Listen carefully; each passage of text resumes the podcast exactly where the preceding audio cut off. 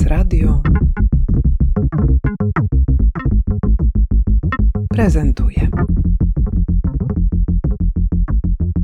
Ewa Klekot, antropolożka, etnografka, wykładowczyni akademicka, kuratorka wystawy etnografki, antropolożki, profesorki w Państwowym Muzeum Etnograficznym w Warszawie.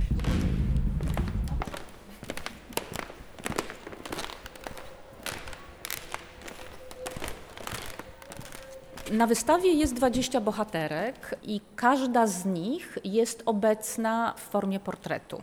Też wybór tych portretów to, to była spora praca, bo to nie jest tak, że one wszystkie są bardzo sławne w taki mm, standardowy, naukowy sposób, więc y, docieranie do tych zdjęć czasem nie było proste, ale mamy wybór portretów, one patrzą na nas, każda jest inna i każda jest sobą, więc ta obecność w postaci portretów y, przetworzonych też graficznie bardzo ładnie przez y, autorkę oprawy graficznej Marię Majnusz jest ważnym elementem wystawy. Y, oczywiście mamy eksponaty y, i ta wystawa mówi za pomocą kilku mediów. Mówi tymi portretami, mówi materialnymi eksponatami i mówi tekstami.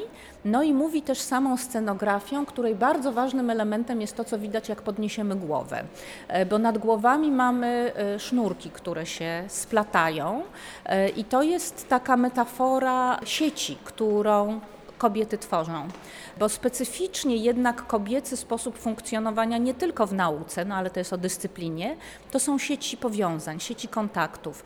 Jak bardzo one się znały, bardziej wynika z tekstów, niż gdybyśmy miały śledzić przebieg tych sznurków, bo one jednak muszą być estetyczne, więc one muszą ładnie wyglądać, więc nie zawsze jest tak, że ta osoba, o której jest napisane w tekście, że inną osobę znała, że akurat będzie tam ten sznurek.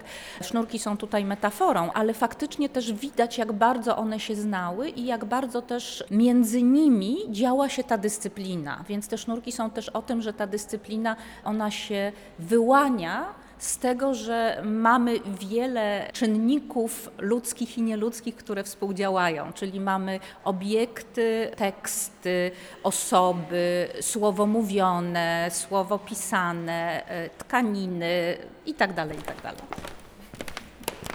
Ja je prawie wszystkie znam, głównie te z prawej strony. No bo one się znały między sobą i no dlatego tak, je ale pani ja znała. byłam dzieckiem, które tak. się między nimi szwędało i zarówno panią przeździecką, z którą chodziłam na wycieczki, chodziliśmy po górach e, z moimi rodzicami, z nią.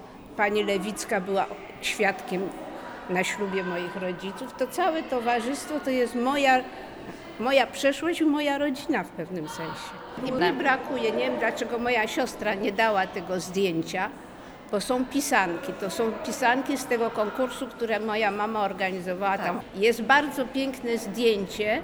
Ale tak, ale te, my nie mamy praw do tego zdjęcia. Pani Krysia to zdjęcie przysłała w skanie, ale ono było publikowane w czasopiśmie. Aha. I my nie mamy do niego praw. Gdyby to było zdjęcie zrobione przez pani tatę na przykład, to byśmy mieli prawa. O nie, to by nigdy nie było wywołane. Także No nie, bo tam jest reprodukowane zdjęcie, które robił pani ojciec. To właśnie mama siedzi na płocie, to było jedno z naszych wypraw z panią Przeździecką. A, no widzi pani, to nie wiedziałam, że tak, tam tak, tak.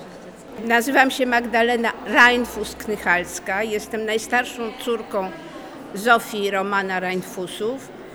E, niestety nie jestem etnografem, bo nie chciałam nim być, no ale uczestniczyłam w wszystkich wyprawach etnograficznych moich rodziców, tak mniej więcej od 5 do 16 lat moich. Nie mówiąc o tym, że przez nasz dom przechodzili wszyscy etnografowie, mężczyźni i kobiety. I w związku z tym ja to całe towarzystwo znam, i utrzymywałam z nimi jak najbardziej, że tak niemalże koleżeńskie stosunki, bo oni mnie wszyscy nazywali na tych wyjazdach, takich tak zwanych obozach terenowych, to ja byłam intendent cukierek, dlatego że mój ojciec uważał, że jak się jest na badaniach, to należy żeby nawiązać kontakt, rozdawać albo papierosy, albo cukierki. Ja tym młodym rysownikom, etnografom, którzy uczestniczyli, dawałam ich rację cukierków. Proszę.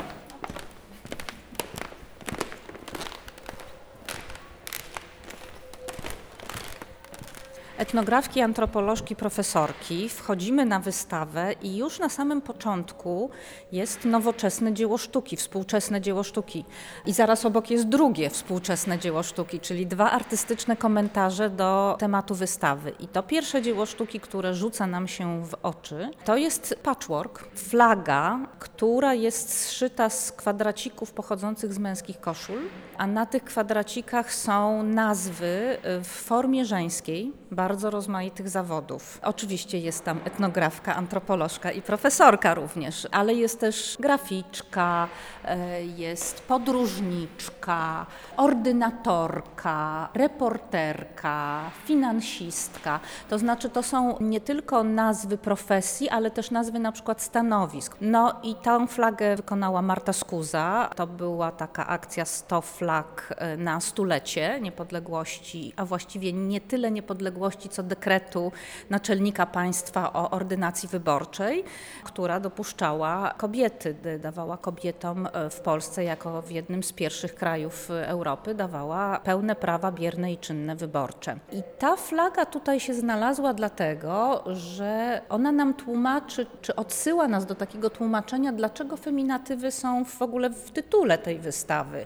Bo to jest wystawa, która mm, mówi y, o pewnym konkretnym etapie istnienia dyscypliny y, nazywanej etnologią. Etapie, kiedy ta dyscyplina się profesjonalizuje i równocześnie profesjonalizują się kobiety. To znaczy powstaje dyscyplina naukowa troszkę wcześniej, y, instytucjonalnie powstaje, powstają stowarzyszenia, powstają katedry, instytuty badawcze. Natomiast mniej więcej w tym samym czasie kobiety zyskują dostęp i do wyższego wykształcenia, bardzo nierównomiernie oczywiście, jeżeli chodzi o Europę, i zyskują dostęp do zajęć zawodowych. Więc bohaterki tej wystawy to są tak naprawdę tylko dwa pokolenia kobiet. Pierwsze to, które najczęściej jeszcze musiało studiować w obcych językach, natomiast drugie pokolenie to są te kobiety, które wraz z prawami wyborczymi dostały też dostęp na wszystkie polskie uczelnie wyższe i studiowały już po polsku. No i one związały swoją karierę zawodową z etnologią, etnografią lub antropologią. To zależy od tradycji intelektualnej, w jakiej tak naprawdę jesteśmy. Stąd ta flaga i stąd te rozmaite feminatywy. One nas umieszczają jakby w samym środku narracji wystawy, chociaż są na początku. Drugim współczesnym dziełem sztuki, które komentuje tę naszą wystawę, jest film Anny Baumgart.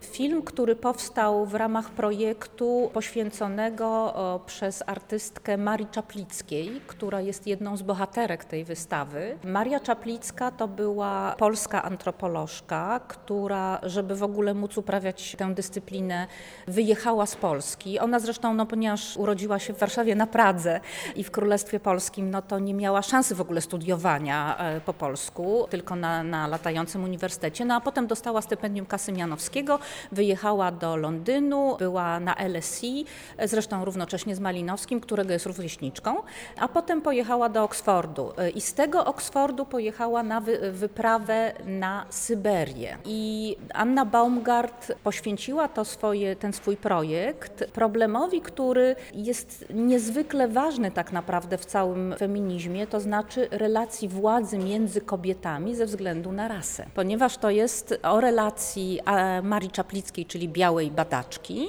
z jej miejscową tłumaczką, pomocniczką, towarzyszką i o tym, jak te relacje się układały. Tutaj no, nie będę zdradzać, co mamy w tym filmie, ale jest on mocny też dlatego, że mamy i maski, i, i właśnie postacie żywe, i cała ta narracja o, o jednak relacji władzy i przemocy między kobietami. E, myślę, że jest bardzo na miejscu no, na wystawie o antropologii, bo antropologia czy etnografia też jest dyscypliną, gdzie ta relacja władzy w konstruowaniu samej narracji przez bardzo wiele dziesiątków lat była obecna i nie poddawana refleksji, no a od lat 80. jest bardzo intensywnie poddawana refleksji.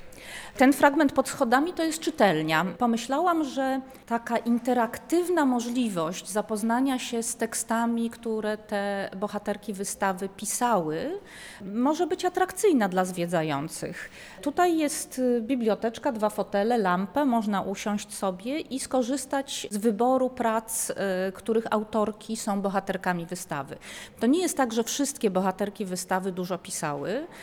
Y, są wśród nich takie, które praktycznie nie pisały, wybierając inne formy przekazywania swojej wiedzy.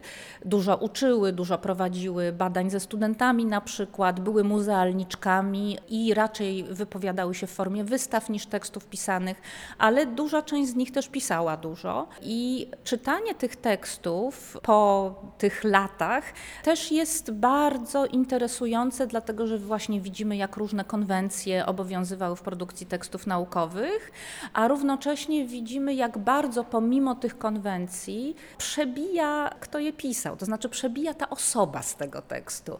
Dla mnie to była niezwykła frajda, jak się obcuje z cudzym życiem przez dłuższy czas, że no jakoś sobie człowiek wyrabia też y, taką relację z tą osobą, bo zakłada, że ona jakaś była, tak?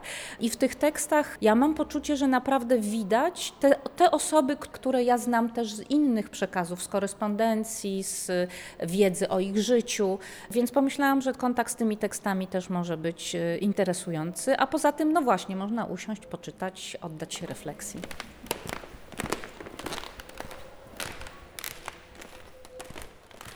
Obecność kobiet w nauce to jest oczywiście obecność długa i niewidoczna. Też dlatego, że kobiety były wykorzystywane do takich prac naukowych, bo dyscyplina naukowa no to jest cały szereg różnych działań. Natomiast to, co jest najbardziej widoczne, to są e, wielkie syntezy w formie publikacji i prestiżowe wykłady. I kobiety do tego były bardzo późno dopuszczone. Natomiast kobiety były obecne w nauce no, taka najbardziej chyba znana historia to są tak zwane komputerki, tak? czyli kobiety, które przed y, skonstruowaniem maszyn obliczeniowych były maszynami obliczeniowymi, bez których y, y, biegłości i wiedzy żadna astronomia nie byłaby możliwa. W obszarze etnologii kobiety od samego początku, jeszcze w czasie, kiedy nie była to dyscyplina zawodowa, kobiety były kolekcjonerkami folkloru, publikowały przyczynkarskie artykuły w czasopismach, praktycznie na równi z mężczyznami. Oczywiście to były inteligentki wszystko, to jest też ważne. I kobiety na wystawie w większości mają takie korzenie, mają korzenie inteligenckie. Różne, to znaczy od wielkich profesorskich domów po domy nauczycielskie i urzędnicze, ale jest też na tej wystawie kilka postaci, na tym mi zresztą zależało, żeby pokazać też postaci innego pochodzenia. Postacie takie, które były pochodzenia chłopskiego, wręcz małorolne, szkolnego, y, córkę, córkę rzemieślnika mamy, więc jakby tutaj y, chodziło o pokazanie różnych strategii już na wejściu, tak, że mamy różne możliwości na wejściu w karierę zawodową. Oczywiście trzeba pamiętać, że dwudziestolecie międzywojenne to jest okres, kiedy kobiety mogły studiować, y, natomiast bardzo często słyszały od profesorów, że przyszły złapać męża na uczelnię, prawda? Więc jakby generalnie to nie było jeszcze takie środowisko bardzo przyjazne, ale, ale kobiety e, kształciły się i tutaj myślę, że też warto pamiętać, jak bardzo duże znaczenie dla aktywizacji zawodowej kobiet miała I wojna światowa. Dlatego, że zwłaszcza w tych krajach, które w niej uczestniczyły e, najbardziej licznie, czyli Wielka Brytania, Francja, Niemcy, Austro-Węgry, tam po prostu mężczyzn nie było w kraju. I kobiety wchodziły na miejsca do tej pory zajmowane przez mężczyzn, właśnie na przykład w akademii czy na uniwersytecie, no bo już im jakby tej, tej drogi nie blokowali mężczyźni. To brzmi dość strasznie, bo ci mężczyźni umierali w okopach w tym czasie. Natomiast Prawda jest też taka, że właśnie dopiero wtedy te kobiety mogły pokazać, że one też potrafią. I to jest kasus y, Marii Czaplickiej, która była pierwszą wykładowczynią antropologii w Oksfordzie, kobietą wykładowczynią. I ona y, po powrocie z wyprawy syberyjskiej y, zaczęła prowadzić wykłady, dlatego że no, jeden z kolegów właśnie siedział gdzieś w okopach na wojnie. I jak on wrócił z tej wojny, jak się wojna skończyła, to ona straciła tę pracę. Więc jakby tutaj Pierwsza wojna jest bardzo ważna z perspektywy aktywizacji zawodowej kobiet. My zwykle myślimy e, o II wojnie jako o, e, o tych kobietach, które w Ameryce przy odlewie, odlewie stali pracowały i tak dalej, ale to, to ta pierwsza wojna dla Europy chyba miała nawet większe znaczenie.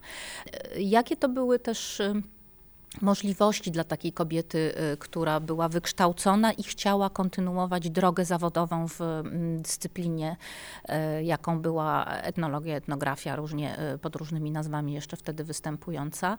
Oczywiście taką drogą była praca muzealna. Była to, była to droga dość często wybierana przez kobiety. Pewnie trochę dlatego, że cudzysłowie mniej prestiżowa niż uniwersytecka, więc może też łatwiej dostępna, ale też y, z drugiej strony kobiety miały też prawdopodobnie, tak jak mówiłam, różne potrzeby ekspresji i ta, ta ekspresja za pomocą wystawy jest zupełnie innym rodzajem ekspresji niż za pomocą języka, zwłaszcza słowa pisanego w e, tekście naukowym.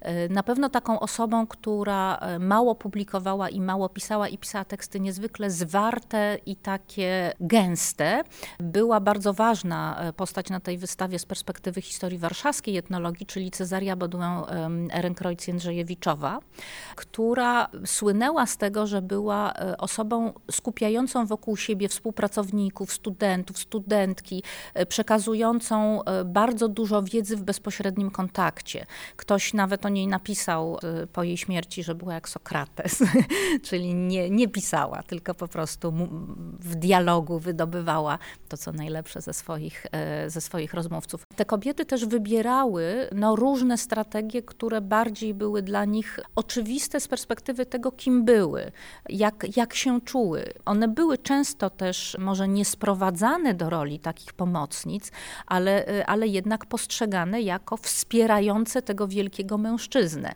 I to były zarówno żony, mamy etnografki w cieniu mężów, kilka takich postaci na tej wystawie, które po prostu za tymi mężami przenosiły się z ośrodka do ośrodka, też posiadając stopień naukowy, y, pracowały w tych y, jednostkach naukowych, czasami w tych samych, co, którymi kierowali ich mężowie, czasami nie. W każdym razie takich postaci y, jest na tej wystawie trochę, ale też na przykład taka postać Jadwiga Klimaszewska, ona była e, asystentką profesora Moszyńskiego, który ją ściągnął, przeniósłszy się do Wilna właśnie do tego Wilna, nie mógł się bez niej obyć, nie mógł bez niej prowadzić badań. E, no była dla niego nieodzowną pomocą. No i po jego śmierci w pewnym momencie też e, przejęła kierowanie katedrą, została w międzyczasie profesorką sama. I ona, e, no ona właśnie mało pisała i była świetną nauczycielką, organizatorką, badaczką terenową i właśnie taką dbającą o spuściznę po e, intelektualną, po wielkim, wielkim mężczyźnie, wielkim profesorze. Natomiast ona sama, tak jak świadectwa o tym mówią, za najważniejszą rzecz w swoim życiu, za największe dokonanie uważała kierowanie sierocińcem e, w czasie II wojny światowej. W pieskowej skale kierowała sierocińcem dla sierot ze wschodu. I to, była, to było takie doświadczenie dla niej, że z tymi wychowankami pozostawała z wieloma z nich w kontakcie do końca życia. I uważała, że to było najważniejsze, co w życiu zrobiła.